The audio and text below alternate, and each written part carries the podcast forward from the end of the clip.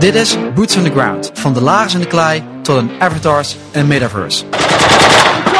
We are facing the most challenging security environment in a generation. Lid van de NAVO betekent een aanval op één is een aanval op alle. Aan de ene kant hebben we artificial intelligence, robots, nanotechnologie. En aan de andere kant hebben we gewoon de mens. Hè, met alleen een wapen, een radio en misschien wel die boots in the ground. Zo'n box waar je dan in zit noemen wij de killbox. A dictator will never erase a people's love for liberty. Hier op het kasteel van Breda, de bakermat van onze Nederlandse militaire traditie. Die bestaat uit slim en vernuftig inzetten van middelen en eenheden. Mijn naam is Gijs Tuinman, drager van de Bronzen Leeuw en ridder in de militaire Willemsorde. Dit is Boots on the Ground. Nou, welkom allemaal weer in een uh, nieuwe aflevering van uh, Boots on the Ground. En deze keer gaan we het eigenlijk hebben over uh, machine versus de mens. We zijn hier vandaag in Bronbeek. En Bronbeek is eigenlijk het centrum, eigenlijk het tehuis van, van veteranen. En dat zijn dus veteranen van Libanon, ja, Tweede Wereldoorlog misschien al niet meer. Korea, nou, maar ook uh, Knil zit hier ook, hè, Indonesië. En uh, zo heel blij mee. En uh, het geeft ook wel een beetje weer wat, ja, hoe zeg je dat, de afstand is tussen nieuwe technologie en mensen, oud denken en nieuw denken. Dus ja, heel blij dat ik hier ben. Ook blij dat jij er bent, Martijn. De oud-commandant van de eenheid bij de 13e brigade. Op het gebied van robots en autonome systemen. En tegenwoordig bij je hoofd van innovatie, kennis en innovatie. Voornamelijk op het gebied van die robots en autonome systemen. Welkom, zo heel blij uh, dat je er bent en uh, ja, we gaan los.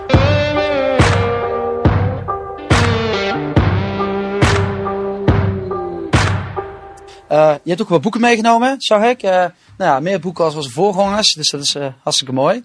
En ja, de eerste vraag die ik eigenlijk wil stellen is, uh, als we het hebben over oorlog en hebben we het over dus war en warfare, hebben we over een fenomeen en je, hoe je er uiteindelijk in kunt optreden. En ik denk dat het belangrijk is om dat even goed te duiden. Nou ja, de gevraagd van uh, wat voor soort gezelschapsspel is dan voor jou relevant om voor jou uit te leggen wat, dat, wat het dan is, oorlogsvoering, hoe, dat, hoe dat werkt en wat uh, nou, oorlog en oorlogsvoering, hoe je dat dan uiteindelijk kunt beïnvloeden, wat het uiteindelijk voor jou betekent. Je hebt gekozen voor Go. Dus, Martijn, vertel. Ja, Go was het eerste wat in me opkwam. Als, denk meest recente voorbeeld in het spel wat AI heeft, uh, heeft overruled eigenlijk. Ja. Waarbij de, de beste mens, of het nou een Chinees is of een, dat weet ik niet precies meer, maar in ieder geval de beste speler, kansloos verslagen was door AI. Ja. Uh, waarbij Go vele malen complexer is dan schaak door het aantal potentiële zetten. Ja. Uh, dus op, op, op die stand van zaken, van technologie staan we qua uh, artificial intelligence. Ja. Um, als je dan kijkt naar de, de, de relatie met, met warfare en met oorlogsvoering, ik denk dat ik twee verbanden kan maken. Eén is dat het nergens op slaat. Uh, dat oorlog vele malen complexer, vele malen uitgebreider is, om het te vergelijken met een gesloten spel zoals Go. Um, uh, er spelen zoveel invalshoeken, politiek, economisch, met bijvoorbeeld sancties, militair, of wat er op gebeurt op, uh, op het gevechtsveld. Hoe we daar als beste tegen aankijken, door onze bril, dat valt niet te vergelijken met een spel. Aan de andere kant, als je naar beneden gaat in de tactiek, toch ook weer wel. Uh, we hebben een aantal experimenten gedaan met bijvoorbeeld, kun je robots tactiek leren? Tot op zekere hoogte wel, als ik er een gesloten speelveld van maak. Bijvoorbeeld grenzen aan de fysieke ruimte. Uh, een beschrijving van de tegenstander. Je nog steeds met halve informatie, want ik weet niet waar die is, ik weet niet wat hij doet. Maar ik kan er wel een model van maken, een model van optreden. Uh, daar kun je tegen leren. Uh, dat kan AI wel. Dus AI kan niet alles, zal zeker niet op strategisch niveau in, hoe van, van veel waarde kunnen zijn. Maar op tactisch niveau zien we de eerste successen. En die vertaling en die koppeling kan ik wel maken naar bijvoorbeeld Go. Dat is interessant, hè? dus maar wat je eigenlijk ook zegt, die mensen, eh, die zijn eh, vaak eh, dan beter in dat, noem eens even, strategische en het, het mistige deel van, van oorlog, hè? Want mensen worden gedreven door belangen, maar ook gedreven door emoties. Hè? Ze zijn allemaal krachten aan de gang die niet rationeel zijn, dus in een formule te vangen zijn of in regels die je daadwerkelijk kunt, kunt programmeren. Dus, uh, maar je ziet ook dat in de huidige discussie. ik heb uh, de documentaire gekeken die jullie gemaakt hebben met HCSS. Hè, dan gaat over robots uh, in of bij de landmacht. En daar wordt ook uitvoerig over gesproken. Hè. De, de, de discussie maar ook de maatschappelijke discussie die in de bredere samenleving leeft. Dus enerzijds autonome systemen, dus robots uh, met uh, artificial intelligence, dus kunstmatige intelligentie, die zelf beslissingen nemen, en de mens. En kun jij ons even meenemen in uh, ja, de state of the art, waar we staan, voornamelijk dan op het vlak van oorlog en oorlogsvoering? we gebruiken daarvoor het drie horizon model uit de managementtheorie. Dat is eigenlijk dat je je portfolio managt in drie horizons. En de portfolio is, wat bedoel je mee? Uh, een serie van projecten, activiteiten. Ja. Uh, bijvoorbeeld in Oorschot is horizon 1. En dan werken we met off-the-shelf technologie. Bijvoorbeeld de robots, uh, de drones, de onbemande grondvoertuigen van diverse aanbieders die direct praktisch te maken zijn. Ja. Die je direct in de context van een tactische eenheid, in dit geval een peloton van 42, kunt gaan gebruiken voor experimenten. Dus je bestaande technologie, bestaande eenheden, bestaande wijze van optreden, die meng je en dan zoek je naar verbetering. Dus hoe gebruik ik een drone ter versterking van mijn verkenning? Ja. Hoe gebruik ik een bewapende onbemande robot, gewoon remote controlled, voor het versterken van mijn flankbeveiliging? uh, en dat geeft ons het voordeel dat we het snel praktisch kunnen maken. Tweede is horizon 2, uh, waarin je weet dat je de technologie in de wereld bestaat, maar hij moet vertaald worden naar de specifiek militaire context. En dan zit je echt op die AI. Uh, bestaat theoretisch gezien al sinds de jaren 50. De wiskundige formules al sinds de jaren 70, 80. Ja, het heeft ook te maken met die enigma, toch? Met uh, uh, Turing ja, en de, de ja, Tweede Wereldoorlog, met het breken van de Duitse geheime code. Ja, en het, het uitvinden eigenlijk van de eerste computer, omdat het de menselijke rekenkracht te boven gaat. Uh, juist Turing heeft die uitvinding gedaan, toen nog met oude technologie, om die code te kunnen breken. Eigenlijk het eerste praktische nut van computers. En de eerste, het maken van de eerste computer. Um, sindsdien zie je een soort golfbeweging met wat de AI kan. Uh, en nu weer op een, op een, een hoes, een hoogte, een stijgende lijn. Want de rekenkracht neemt exponentieel toe met de wet van Moore. De data neemt exponentieel toe. De lerende algoritmes zijn nu in opkomst. Uh, en zie je weer een, uh, een hoes aan, aan nieuwe toepassingen, nieuwe technologieën. Als drive achter die, die toepassing van de AI. Mm -hmm. Wat wij moeten doen is hem vertalen naar de militaire context. En wat dat kan betekenen voor ons optreden. Niet alleen qua effectiviteit, de output, maar ook het beleidskader wat erachter zit. Denk aan uitlegbaarheid, uh, voorspellend vermogen, uh, dat je controle kunt houden over je algoritme. En dat je biases erin programmeert. Ja, een bias is dus wat wij als mensen allemaal hebben. Hè? Onze vooroordelen. En eigenlijk de oogkleppen waarmee we heel, ja, eigenlijk naar een onderwerp kijken en eigenlijk bewust hè, de, de, ja, alles wat buiten die oogkleppen zit eigenlijk uh, bewust negeren. Vaak doen we dat dan weer onderbewust. We zijn ons niet altijd bewust meer van onze oogkleppen. Ja, en hoe je dat kunt uh, mitigeren. En dan, en dan past dus experimenteren. Je weet het niet in één keer. Het is niet precies duidelijk hoe het moet. Nou, dan ga je zoeken naar de juiste uh, ontplooiing, toepassing, uh, methode van ontwikkelen. Dat je zegt, hij is tegelijkertijd militair effectief. En ik kan uitleggen wat het algoritme doet. Ja. En die derde? Derde is onderzoek. Dat is echt een wat meer ver weg horizon. Uh, waarbij je vragen stelt als hoe kan ik eigenlijk uh, verifiëren en valideren dat zo'n AI-gedreven systeem doet wat hij moet doen. Ja. Ook als een vijand actief optreedt tegen het algoritme. Ook als ik te maken krijg met onzekerheid. Ja, je hebt het nu een paar keer over, je hebt het over algoritmes, hè? over artificial intelligence.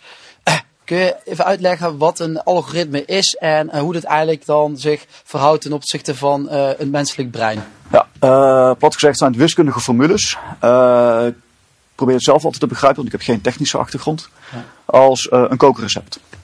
Uh, bijvoorbeeld de output is een rijstmaaltijd. Je hebt verschillende ingrediënten, dat zou je kunnen vergelijken met de data die nodig is om het in elkaar te zetten.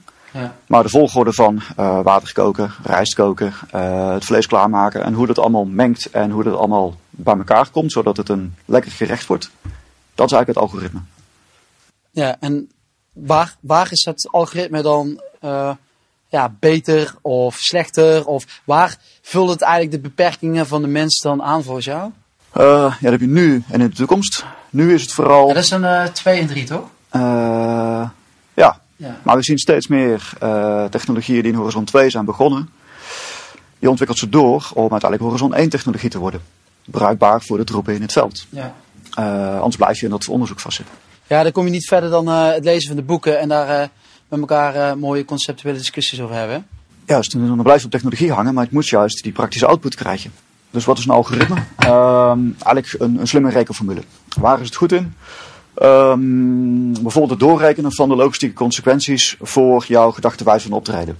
Dus hoeveel brandstof heb ik nodig? Hoeveel munitie heb ik nodig? Uh, maar bijvoorbeeld ook uh, het vinden van de beste observatiepost. Dus je voert een aantal parameters in. Ik heb deze robot bij me, die heeft deze sensoriek. Uh, dit is de vijand die ik zoek. Dit is het terrein, bestaat uit open terrein, bosgebied, routes. En dan optimaliseer je al die parameters tot je de beste observatiepost krijgt. Het klinkt wel heel, nog steeds allemaal heel technisch, uh, Martijn. Maar waar ik wel in geïnteresseerd ben, hè, is eigenlijk de, de challenges die, waar, jij, waar jij tegenaan loopt. Ik kan me goed voorstellen, ik probeer het voor mezelf even, even te duiden. Je hebt het over die drie horizons. En ik kijk even naar jouw carrièreprofiel. Hè. Binnen hè, de afgelopen tien jaar. Dus je bent eigenlijk begonnen uh, in misschien wel de wat meer experimentele hoek. Je hebt heel veel van die boeken gelezen, filmpjes gekeken. Misschien wel ge, uh, geïnspireerd door Star Wars. en ja, misschien wel.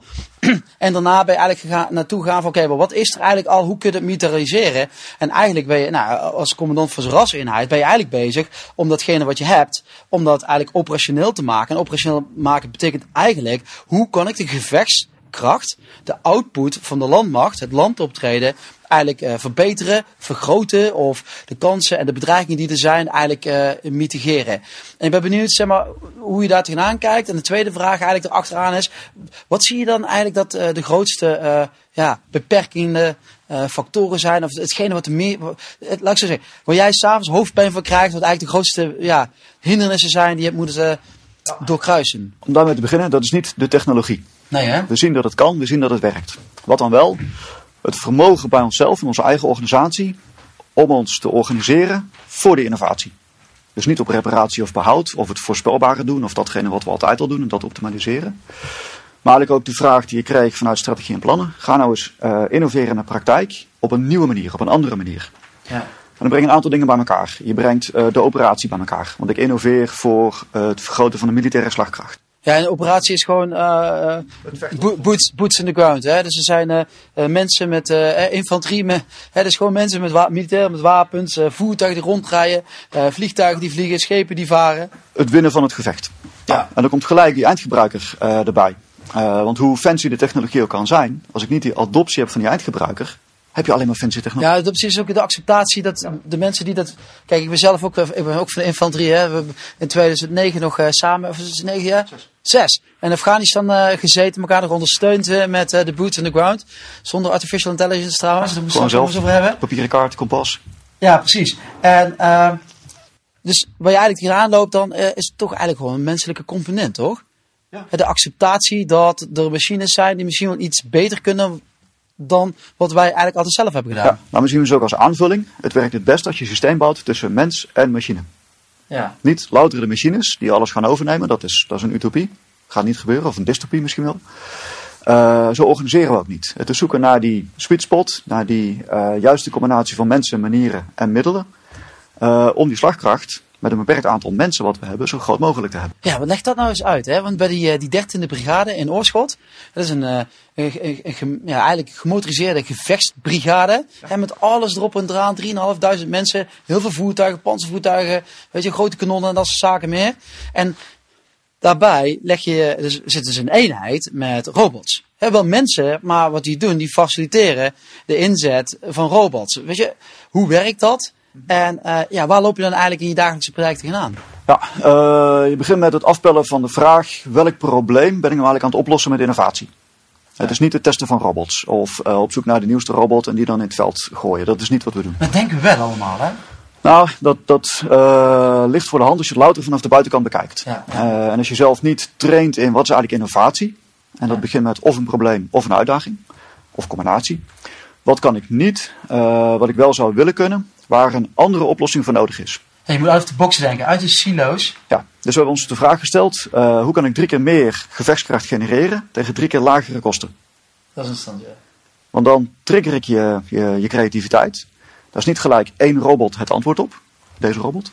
Dat is eigenlijk meer uh, een concept van optreden. En een andere manier van organiseren is daar waarschijnlijk de oplossing voor. Dus ben je veel meer aan het zoeken, aan het ontdekken, aan het experimenteren. Uh, je gaat een ander systeem bouwen. En dat, dat triggert die innovatie. Ja. Vervolgens moet je het praktisch maken. Anders blijft het in het theoretische hangen. En dan heb je tekentafel oplossingen. Maar juist die robots in de handen van de eindgebruiker en gewoon durven falen. En dat hebben we ook gedaan.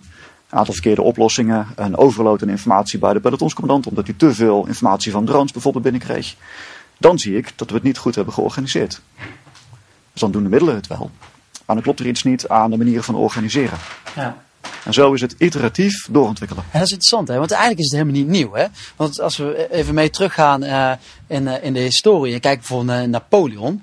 En uh, ja, voor de tijd van Napoleon had je dan infanterie-eenheden en je had cavalerie-eenheden. Die waren infanterie, kon lang vechten, zeg maar, en kon iets tegenhouden, grond vasthouden, was heel traag. Het kostte veel om, uh, uh, om, om een stand te houden en verplaatsen traag. Had je cavalerie, he, kon niet zo heel lang uh, op locatie blijven, ook je grond vasthouden, was heel snel. En had je archerie, de kanonnen, en ja, die waren ook wel traag, maar die konden in tijd en plaats, konden ze overwicht ergens doorbreken.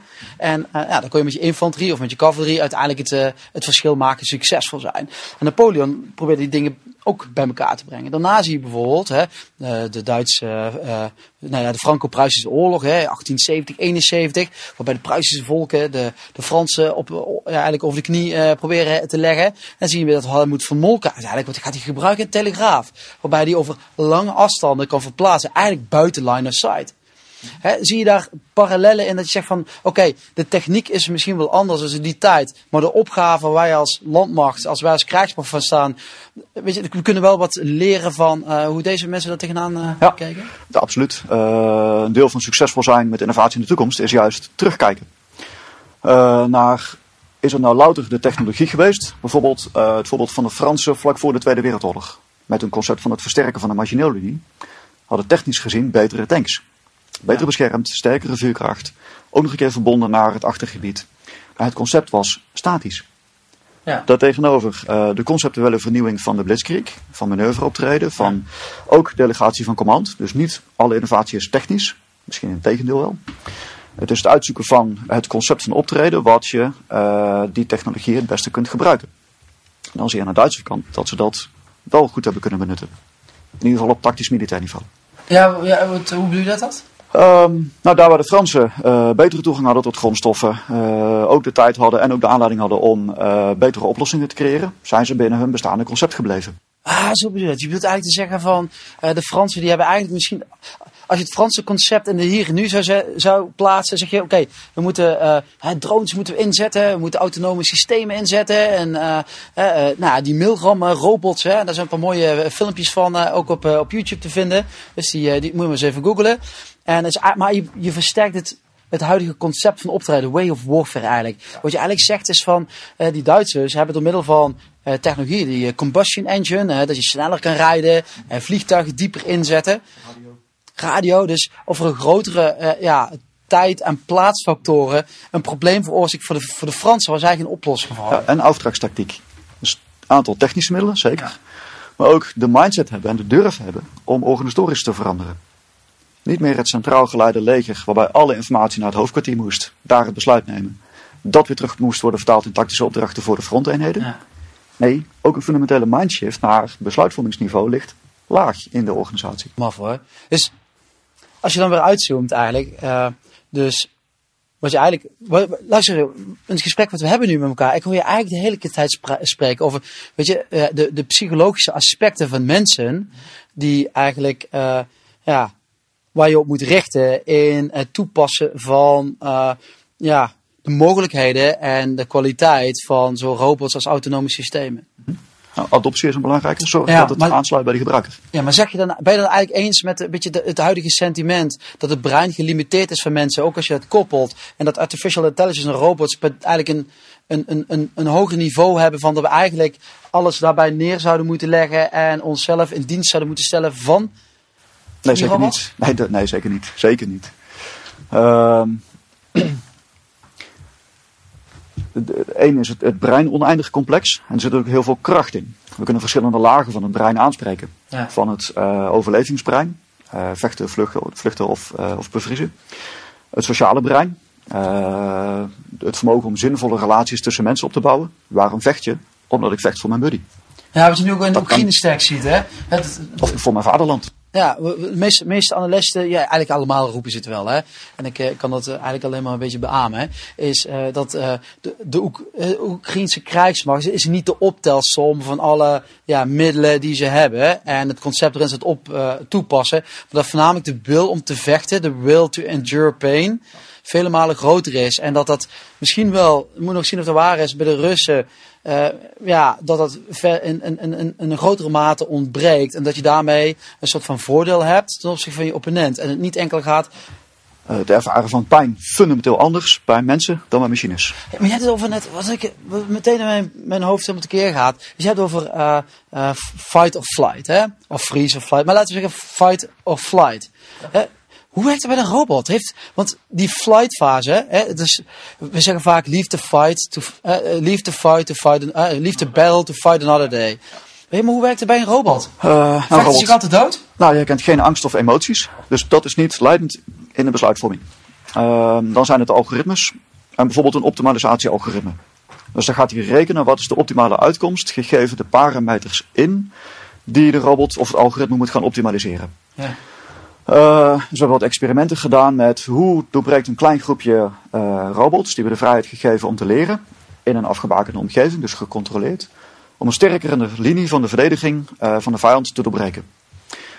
Wat we zagen dat de meest succesvolle uitkomst was, is dat ze één robot opofferen. Die sturen ze naar voren, maar die voelt geen angst, die gaat. Uiteraard wordt die gevonden en beschoten door de vijand. Wat de resterende robots die identificatie geeft van aha, daar wordt geschoten, daar wordt geschoten, hij zet zijn reserve daarin. En dit is de trigger geweest voor artillerie, die staat nu daar. Dan kunnen die vier resterende robots, uh, die high targets, kunnen ze gaan aangrijpen. Dus je krijgt andere concepten. Ja, magisch ja. Nee, doe maar meteen weer denken aan uh, TAS 55 uh, in 2009. Uh, toen uh, verschillende operaties uh, geleid. En het klinkt heel wrang hoor. We hebben toen Kevin van der Rijt heeft toen verloren een hele complexe attack eigenlijk. En, maar ik zeg ook vaak van, ik krijg vaak die vraag van was het de moeite waard? Weet je, dat vind ik een vraag die, misschien ben ik wel in een deel wel een robot. Vind ik vaak lastig om die antwoord te beantwoorden. Maar wat misschien het meest interessante is, Martijn, is wat ik wel eens probeerde uit te leggen, is in een hot debrief die we gedaan hebben toen, toen, we terug waren, hadden we eigenlijk zoveel puzzelstukjes bij elkaar. Dat de vraag die we hadden van uh, waar zitten ze, hoe treden ze op, hoe kun je ze het effectief mogelijk aanpakken. Ik wil niet zeggen dat het komt omdat je iemand verliest. Want we hadden dit ook kunnen doen zonder iemand te verliezen. Maar de waarde van uh, dat systeem uh, is dat we drie weken later konden terug, terug konden komen met een heel tailor-made probleem. Of tailor-made oplossing voor een probleem. En maffe hierin was, omdat je tegenstander succesvol is in zijn perspectief, heeft hij geen noodzaak om te veranderen. Wij zijn niet succesvol. Bij ons is de driver hè, ook voornamelijk gedreven door ook een stukje emotie en gevoel en uh, nou, misschien ook wel ja, angst en dat soort zaken meer. Dus het doet pijn? Ja, dat drijft jou om wel te innoveren. En is dat ook een beetje wat je bedoelt dat uh, uh, robots en autonome systemen, artificial intelligence en mens, hè, weet je, de, de, het emotionele en de gevoelskwestie, flight en fight, en dat dat bij elkaar waardevoller is dan het, hè, dat, de optelsom van de, van, uh, de, dat het meer is dan de optelsom van de losse onderdelen. Ja, in die zin zijn robots koude, kille berekeningen de machines algoritmes met een stuk hardware erbij. Um, op een juiste manier aandacht geven aan zo'n verlies. Uh, want het kent een, een, rationele analyse van wat is er precies gebeurd in zo'n gevechtssituatie. Maar ook juist een sociaal-emotionele kant. Ja, die van sterker gemaakt. Hoe, ga je, precies, hoe ga je om? En wat doet het met de groepsbinding en, en de, de esprit de corps en je fighting spirit? Uh, dat zit uniek in mensen. Laten we dat ook vooral behouden. Dus het is juist pleiten voor die combinatie. Laat de machines doen waar ze goed in zijn. Het, het doorrekenen van veelal cijfers in wiskundige formules. Ja. Daar komt een bepaalde output uit. Wij als mens beoordelen die. Dus het, het mandaat om te besluiten ligt bij die mens.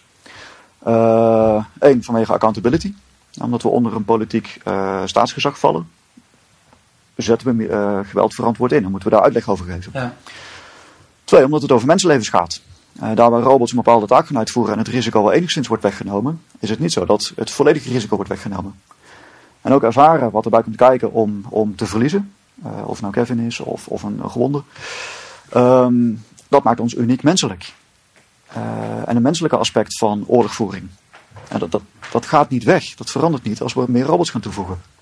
Ja, helemaal out of the box. Hè? Eh, wat, wat ik denk wel interessant is om, uh, om het over te hebben. Dan komen we daarna wel op jouw persoonlijke ervaringen zeg maar, vanuit uh, 2006. Waar je in die documentaire ook specifiek spreekt over als ik onder vuur lag in die tijd had ik iets met robots kunnen doen. Maar ik wil eerst even een andere vraag stellen.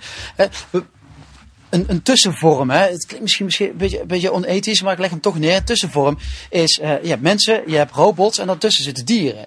Hè, we zien nu ook weer, in het verleden gebruikt hij al veel, hè? dus honden, maar ook uh, postduiven werden veel gebruikt uh, vroeger. Misschien gaan we er een keer naar terug. Maar ook bijvoorbeeld dolfijnen worden op dit moment ook weer gebruikt, zowel in Amerika als ook in China voor het vinden van mijnen. En waar je naartoe wil, is bijvoorbeeld honden. Je ziet dat bijvoorbeeld met een uitzending, als je uitzending hebt gedaan, krijg je daar een waardering voor, een, een herinneringsmedaille. En als je gewond raakt, krijg je daar bepaalde ja, respect voor.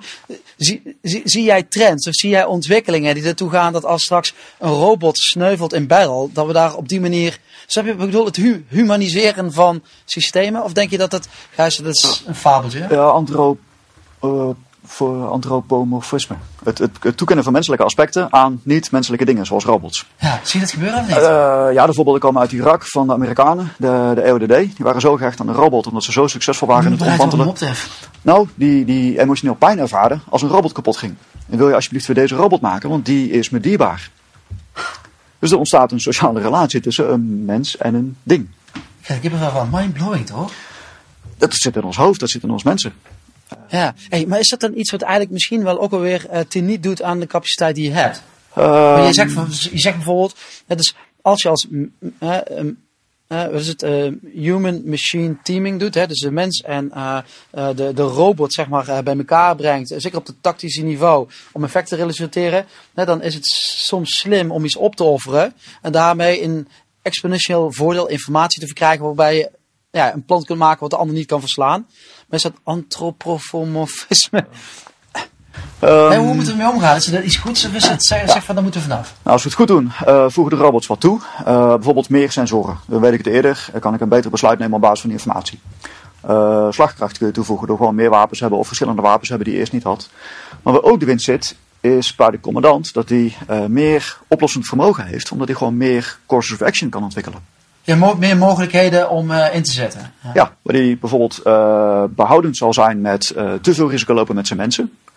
Kan hij wel die oplossingsrichting gaan zoeken met onbemande systemen die niet per se terug hoeven te komen. Ja, we komen zo meteen bij jouw anekdote, want daar wil ik sowieso naartoe. Maar wat het wel me triggert is wat nou, Patrick Bolder, hè, is, is een technologie-analyst bij HCSS. En die, die, die, ziet hem ook veel op tv en die heeft daar ook altijd ja, ik denk best wel een relevante en uh, een uitgesproken mening over. En je ziet het ook bijvoorbeeld uh, met uh, Tweede Kamerlid uh, Valstar van de VVD. Heeft een motie ingediend van de drones, hè, de onbemande, ja, ja, de autonoom geopereerde systemen, dus de Reapers. Die vliegtuigen, die vier die we hebben. Ja, is weinig autonoom, veel remote controlled. Ja, precies. Goed dat je het zegt. En dat we die moeten bemannen, of zeg ik, moeten bewapenen. Waarom? Omdat daarmee oorlog, te deelnemen in een oorlog van Nederland veiliger wordt. Omdat als er dingen de lucht wordt geschoten, ja, er minder mensen doodgaan. Ben je het ermee eens of niet? Ja, dan krijg je de dialoog veilige fobie. Wel voor eigen troepen, want die robot uh, voert het gevaarlijke werk uit en de mensen kunnen langer veiliger blijven. Um, dit komt vanuit Amerikaans context met uh, het massaal inzetten van drones boven uh, bebouwd gebied om, om de insurgent leadership te targeten. Ja. Daarbij is het target in hun huis, waar ook hun vrouw en kinderen wonen, neemt het aantal slachtoffers aan die zijde toe. Dus het, het, het, het zijn altijd twee kanten. Ja, je zegt. Kijk, mijn persoonlijke ervaring met, met dan, de deliberate targeting operatie, eigenlijk noemen ze uh, ja, nou, deliberate targeting operaties, hè, waarbij je daar specifiek zeg maar, gaat om bepaalde ja, kopstukken eigenlijk te, te arresteren. en dat eigenlijk dat op het moment dat, dat konden we ook doen, zeg maar, met, door middel van drones. Hè, dus door middel van uh, targetingprocedures, wat allemaal helemaal doorspekt is met legale en wettelijke kaders en ellende. Checks en balances. Maar goed, punt is wel, dat als ik een een, een drone strike wil inzetten, dan kijk ik enkel en alleen naar de collateral damage. Want mijn eigen consideraties op het gebied van risico is alleen een platform. Terwijl als ik een team inzet uh, van uh, Special Operations Forces, een team van mij bijvoorbeeld, dan is de analyse is vele malen rijker. En precies ook wat je zegt, de course of actions die je gaat bekijken, hoe je die oplossing eigenlijk uh, tot het probleem neer kunt leggen, is vele malen rijker. Dus ik, vind het soms wel lastig, want ja, we hebben dat met uh, Marnix Felius uh, in de vorige podcast aflevering het ook over gehad. Van ja, weet je, meer systeem in de lucht met wapens zorgt uiteindelijk ervoor dat je ook meer doelen aangrijpt. En dat er uiteindelijk het leed in oorlog niet minder wordt, maar dat je het in principe ook versterkt. Je hebt meer doelen, meer vernietiging. En misschien af en toe ook wel meer de bereidheid om een systeem in te zetten, omdat je daar geen, en niet, niet per definitie de pijn gaat voelen van uh, een, een menselijke capaciteit. En dan moet je kijken naar de context. Uh, zitten we in de counterinsurgency context, optreden tussen en met de bevolking, moet je veel bewuster zijn als je, of je robots wil gaan gebruiken, wat de effecten zijn op die burgerbevolking. Ja. Uh, hoe zien zij ons? Wij zijn al de buitenlandse uh, strijdmacht. Ik ben niet eens bereid om zelf uh, met de mensen te komen praten. Nee, of dat gaat, dat tegen, je, dat gaat het tegen je werken. zit je in een heel andere context. En daar kijken we vooral naar met het rasinnovatieprogramma. Nou, letterlijk wat je nu ziet gebeuren in Oekraïne. Ja. Heel ander speelveld. daar heb je targets in die open. de artilleriestukken. de oprukkende tanks. daar speelt minder het civiele sentiment. Die zijn of geëvacueerd of zitten in schuilkelders. Maar het zijn zeker geen target. We treden zeker niet met hun op. Uh, het zijn veel meer die militaire objecten, waar nog steeds soldaten in zitten, uh, die het doel zijn, of potentieel doel zijn van onbemande systemen. Ja. Nee, en dan weer terug te brengen naar jouw persoonlijke ervaring. Hè. Nou, we hebben samen in, uh, in Afghanistan gezeten in 2006. Laten we zo zeggen, het was een uh, rough times. Uh, ja. Het was een, de communicatie met de bevolking liep op twee fronten eigenlijk. Hè. De ene keer was het een prettige communicatie in de zin van nou, allerlei wederopbouwprojecten. En uh, nou, je deelt eten, drinken, ideeën, perspectieven. En aan de andere kant werd er gecommuniceerd door het uitwisselen van de ene kant uh, IED's uh, en aan de andere kant voornamelijk ja, ja, kogels, munitie en ook nog wat, door de, wat door de lucht ging. En ik ben heel benieuwd, in die, in die documentaire van, van ACSS, hè, waar je, maak je eigenlijk vergelijk van. Toen ik in 2006 zat, heb ik zes gevechtscontacten meegemaakt. En als ik als ik robots had gehad, in elk geval als ik robots, robotica en uh, autonome systemen hadden hier per definitie het verschil gemaakt. Kun je even meenemen in zo'n situatie van wat je daar nou precies mee bedoelt? Ja. Uh, in ieder geval op tactisch niveau. Uh, het voorbeeld wat me er binnen schiet is de hinderlaag waar we in zijn gereden. Uh, waar ook een, een, een, jongen zwaar gewond is geraakt aan zijn been. Ja. Uh, en daar zie je ook gelijk de dualiteit van zo'n missie. Want we gingen op pad om medische capaciteit voor een nieuw dorp te creëren. Of het dorp was er al, maar wij waren er nog niet ja. geweest om daar een band op te bouwen met de lokale bevolking. Nou, dat zat tegen uh, een vallei aan, de Tengi Valley, waar veel uh, Taliban-leiderschap... Ja, in Degerwood. En, uh, ja, in, precies. Ik zat in Degerwood. Mijn functie was uh, voor het controller, net als die van jou. Het, het um, aansturen en het leiden van alles wat op de lucht vliegt ja. voor de grondtactische bewegingen. Ja. Precies, dus iedere dag gaan we mee op patrouille. Mocht er wat gebeuren, dan is ons werk inderdaad om artillerie, mortieren of Apache gevechtshelikopters of straaljagers op doel te leiden. Ja. Um, nou, heen met die patrouille. Um, en kwam vrij veel aanloop van vrouwen en kinderen die we van enig medische hulp hebben kunnen voorzien. Van de zere vinger tot nou, de botbreuken die verkeerd zijn geheeld. Uh, om te laten zien dat we, dat, dat we een band willen opbouwen met die bevolking. Dat ze ons gaan vertrouwen en dat er later gesproken kan worden over uh, hoe wil je eigenlijk bestuur in gaan richten in, jou, in jouw dorp. Op die weg terug kwamen we in een van de zwaarste hinderlagen, denk ik, van, van die periode. uh, goed voorbereid aan de vijandzijde. Uh, op een plek waar nou, ook wij als, als geoefende militairen een hinderlaag zouden inrichten. Precies op zo'n chokepoint. We reden door zo'n vallei, door zo'n drooggevallen rivierbedding. Het was zomer. waar je maar op één plek eruit kan. en de bergrug op om door de woestijn terug naar het kamp te rijden. Dan moesten we stilstaan, draaien, keren. Nou, er staat zo'n heel konvooi van 12 voertuigen, geloof ik, staat dan stil. Ja, het zijn de beelden die je in de Oekraïne ook ziet. Ja, ja nou dat, dat is uh, de locatie uh, om een hinderlaag in te richten. Nou, aan beide zijden, zowel noord als zuid. Uh, even kijken, zuid vanaf de, de hoge ritslijn, de bergrug, met, met KKW-vuur, kleinkaliberwapens. En vanuit de noordzijde, vanuit het maisveld, zicht gedekt, vuur gedekt uit die kleine muurtjes. Ja. 10, 12 RPG, die schouderraketten af, afgevuurd treffers op voertuigen. Uiteindelijk één treffer op een uh, IPR, panzervoertuig van ons, wat uh, Roy, de soldaat, uh, in zijn been heeft geraakt. Nou, dat voertuig stond stil. De chauffeur gewond, kon niet meer verder rijden. Uh, heeft de opvolgende pelotonscommandant zijn voertuig naast gezet. De gewonde soldaat eruit kunnen halen.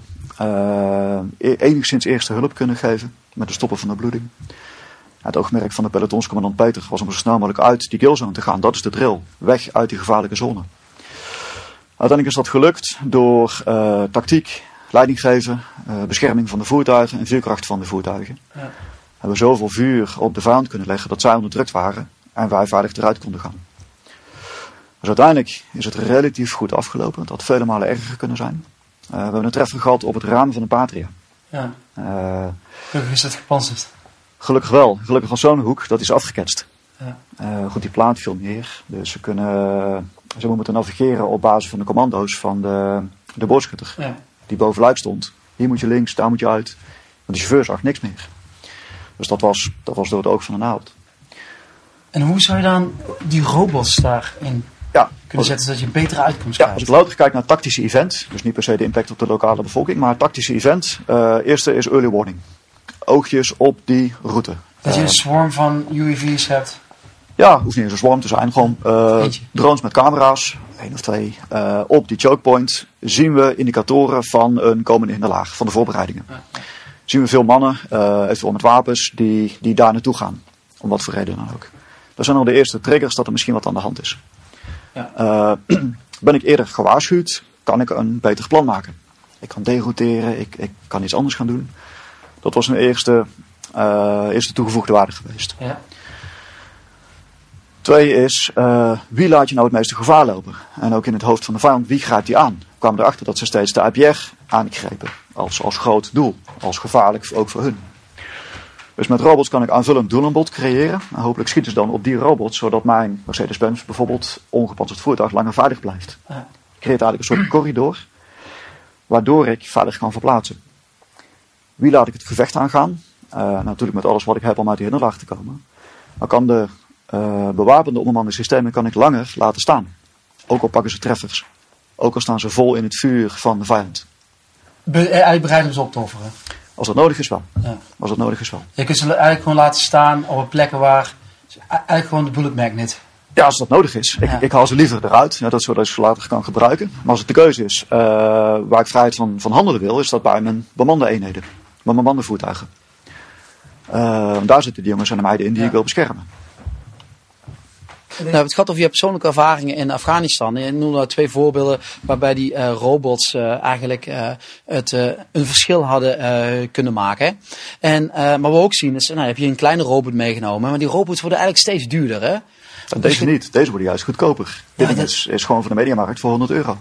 Heel ja, goed je zegt. Maar wat je wel ziet, als we het nu ook hebben over, eh, nou, we het de vorige keer gehad, in de vorige podcast over investeren kun je leren, is dat we eigenlijk ook voor robots en autonome systemen steeds hoogwaardiger, duurder en complexer gaan. Hè? Kijk bijvoorbeeld naar zo'n Joint Strike Fighter. Er zit nog wel iemand in, maar eigenlijk is het een, mega robot. Maar we hebben eigenlijk niet meer geld dan 60 van die dingen te kunnen kopen. Komen er niet, eh, je noemde het ze straks zelf al, een soort van cost trap. Dat het zo kostbaar, duur en eh, ja, complex mo- wordt dat je straks van alles er maar eentje hebt. En dat je eigenlijk die bereidheid die je hebt om die robot eigenlijk kwijt te raken. Hè? En, in te zetten, hè? dat, je het ook niet meer dat- hebt. Dat is ook dat denken in innovatie. eh, op een andere manier tot nieuwe oplossingen komen. Dus juist niet meegaan met die eh, exponentieel stijgende kosten. Om steeds hogere specificaties aan te voldoen. Maar proberen hem naar beneden te laten gaan. Alsmaar goedkopere robots. Want aantallen doen ertoe. Ja, zou jij ervoor gaan om het eh, JSF, eh, of eh, laten we voor onze eigen middelen kijken. Zou jij bereid zijn om wat panzervoertuigen in te leveren om eh 10.000 van deze dingen te kopen? Dat is altijd een moeilijke vraag. Vooralsnog zien- zitten we hier? Ja, ja, vooralsnog zien we het als aanvulling. Dat, dat is, want het werkt het beste in een systeem van georganiseerde middelen. Die bij elkaar tot gevechtskracht komen. Dat is ook wat Marnix eh, enigszins zei. Ja, systeem van systemen. Ja, als ik nou echt niet anders kan en ik moet een keus maken, ehm, misschien eigenlijk wel naar bemande eenheden, gek genoeg. Gek genoeg. Tenzij we die eh, kosten voor die onbemande systemen significant lager kunnen krijgen. Ja. Eh, we zitten nu ongeveer op een hoogwaardig bewapend uh, onbemand grondvoertuig, ongeveer op 8 ton à 1 miljoen. Ik- Ja. Maar dat komt omdat we nog steeds de ontwikkelkosten betalen, omdat we aan de voorkant zitten van die industrie. Ja, wat kost dit? Dit is eh 80 euro mediamarkt. 80 euro is eh, nog minder eh, dan een magazijn aan eh 5, 56 munitie. Of nog minder dan een magazijn wat in mijn pistool gaat en glokmunitie. Die is expendable. Dus je moet eigenlijk meer zien als eh, eh, verbruik dan gebruik. Als ik die verlies, nou goed, privé. Maar als ik die als eh, soldaat verlies, doet me geen pijn. Nee, zeker Als ik er maar genoeg heb om mijn voorraad aan te vullen. Nou, die filosofie zien we uiteindelijk ook met grondvoertuigen. Je hebt ook die kleine throwbot dingetjes. En het geeft jou voldoende situation awareness eh, of inzicht op een kruispunt waar je zelf niet wil of kan komen. Eh, en je hoeft er ook geen reddingsmissie op te organiseren. Alsjeblieft niet.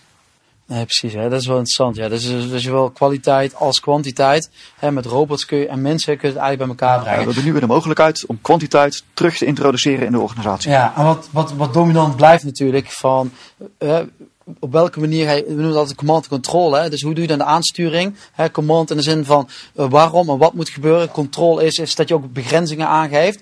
Hè? En eh, zie jij op command en control wijze je aanpassingen die noodzakelijk zijn om robots en mensen gelijktijdig of in, in, in ter versterking van elkaar in te zetten of niet? Nou, het eerste is de knip. We scheiden het wat eh, en het waarom duidelijk voorbehouden voor de mens. Ligt het unieke mandaat voor de mens om dat te bepalen. Inclusief de spelregels uh, waarbinnen de robot het hoe mag uitvoeren.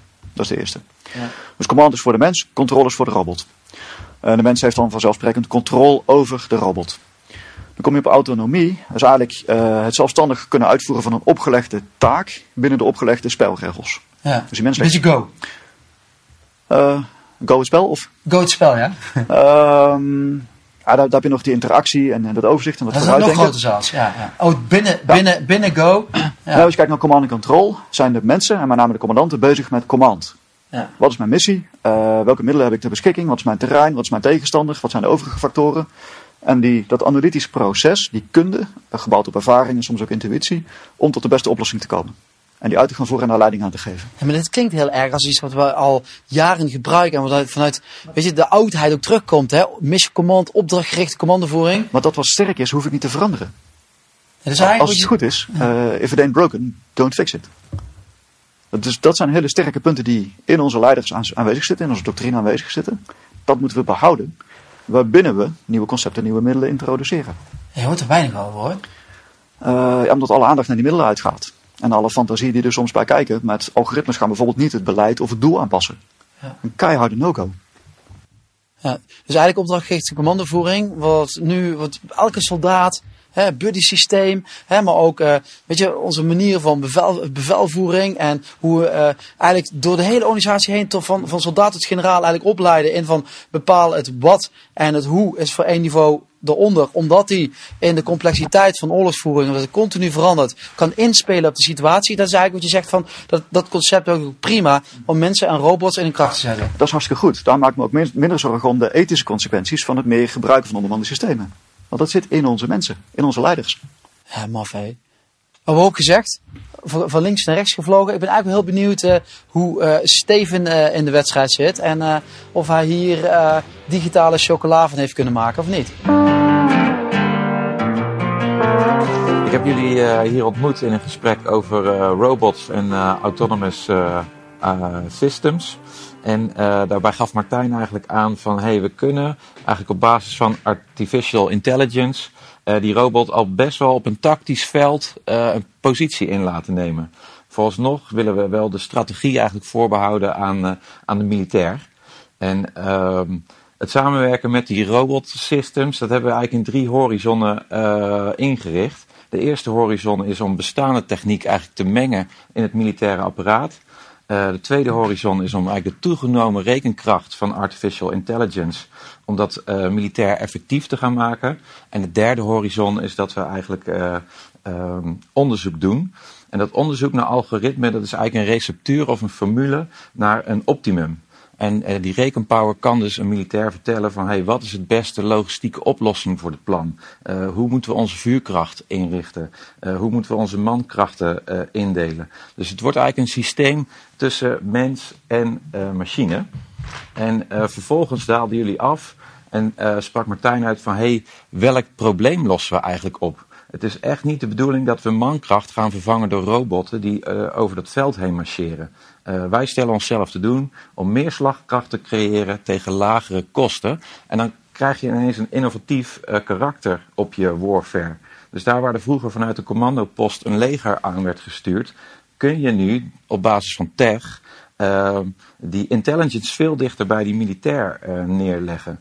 Um, ik heb hier ook een aantal robots uh, getekend. Uh, je kunt die robots ook van elkaar laten uh, leren. Je stuurt er één op pad, die offer je op. Ik heb hem de sacrifice robot genoemd. En dan gebeurt er iets geks, want die robot die je opoffert, die stuurt heel veel informatie terug op basis van mankracht, vuurkracht, vuurrichting, plaatsing van het gevaar. En er kan ook iets geks ontstaan. robot love, antropomorfisme. Ja, die robot had een heldenfunctie op dat moment. Die offerde zich op voor de intelligence die je daarmee oogste. Um, ja, en dan uh, gebeurt er iets bijzonders. Hoeveel robots kun je je eigenlijk permitteren? is er een cost trap? zet je liever 100 drones of 10.000 drones van 100 euro in? Of eentje van 1 miljoen? Um, en dan zegt Martijn, het gaat om het wat en het waarom. En dat is een menselijk mandaat. Dus ik ben niet bang dat die oorlog verhardt in onethische zaken. Daar zitten wij voor aan het roer. Uh, maar hoe we die autonome robot gaan inzetten, ja, daar zijn we continu eigenlijk uh, op aan het uh, wegen. En ik merk dat ik het verhaal van de hinderlaag, dat ik die nu oversla. hij staat in de tekening, maar dank voor de insight die je daarin bood. En ja, laten we elkaar blijven volgen in je ontwikkelingen. Ik vond het heel interessant. Dankjewel wat ik vaak zie is dat die aandacht naar die robots toe gaat en dan worden daar allerlei projecties op gegeven. Uh, ik denk juist dat het van waarde is om in de landmacht zo'n innovatieprogramma te hebben. Om met eigen mensen in die praktijk, bij die brigade, uh, maar ook bij de onderzoekers met TNO bijvoorbeeld of met het bedrijfsleven uit te zoeken wat het is. Wat het is aan algoritmes. Hoe het moet. En ik denk dat we juist een heel breed innovatieprogramma hebben van innoveren, boots on the ground, soldaten van de 13e brigade. Uh, maar ook wiskunde underground, algoritmes underground, om dat uit te zoeken. Geef het tijd. Dus laat het groeien. Dit is geen makkelijk werk. Uh, um, het is ook waar gaat de investering naartoe. En we zijn voldoende gefund. We kunnen echt wel uh, de investeringen doen die we graag willen. Het heeft tijd nodig om uh, de juiste concept van optreden te identificeren. Het heeft tijd nodig om dat, uh, de eindgebruiker te laten wennen en tot volledige adoptie te komen van nieuwe concepten, nieuwe middelen. Uh, het heeft tijd nodig om de juiste balans tussen wat is, bekende middelen, bekende wijze van optreden, nieuwe middelen, nieuwe wijze van optreden, om die goed te kunnen mengen. Um, daar zijn we als Europa, of binnen Europa, denk ik uniek in. Ik denk dat we die positie moeten koesteren. Uh, met de menselijke maat. Dus ik, daaruit, ik maak me geen zorgen om de autiek. Ja. Omdat we er zoveel aandacht aan besteden. Omdat we bewust het kritisch tegengeluid opzoeken. Omdat we bewust literatuur lezen. Ik denk dat dat de kracht is uh, van het innovatieprogramma. En ben, daar ben ik trots op. Ja. Ja, wij zijn er ook trots op. En uh, het is dus niet uh, mens versus machine, maar het is eigenlijk en en mens en machine. En uh, ja, dat blijft gewoon belangrijk. En wat me ook jouw laatste woorden eigenlijk aan doen denken, is eigenlijk dat programma van Mythbusters. Hè? Dus uh, de archetypes uh, die we vaak ko koppelen en zijn dominant is heel erg killer robots, is uh, dat het ons niet helpt om ja, deze zaken verder te ontwikkelen, zodat wij als mensheid uiteindelijk in een betere positie terechtkomen. Ja. Nou, enerzijds helpt het om, om dat kritisch tegengeluid. Vertel maar wat de zorgen zijn, ja. oprechte zorgen. Daar gaan we daar bewust mee aan de slag. Die bewuste strategie van open uh, communiceren, transparantie helpt in Nederland in de democratie. Wat het niet moet zijn, is dat die science fiction beelden van de Terminator leidend moeten zijn in besluitvorming. Ja. Luister dan naar ons verhaal, laat ons het uitleggen hoe we ja. het in de praktijk doen. Dus wat jij zegt, uh, Martijn, zijn uh, boots on the ground are always right. Of er nou deze boots zijn, de human boots of de digital boots. Nou, misschien dat zijn het deze vier. De bots on the ground. Ja, de bots. Ja, misschien de, de bots uh, on the ground. Hey Martijn, uh, super bedankt. Uh, jij moet zo meteen snel weer terug naar, naar Oorschot, geloof ik. Want de robots die zijn er lost in action. Dus snel die kant uit. Nou, nogmaals bedankt. Hier in Bronbeek. wij gaan zo meteen even een rondje maken hier langs de, de bewoners van Bronbeek. En eens even kijken hoe zij ook denken over robots, artificial intelligence in de tijd van nu. Dankjewel en boots on the ground. Tot de volgende keer.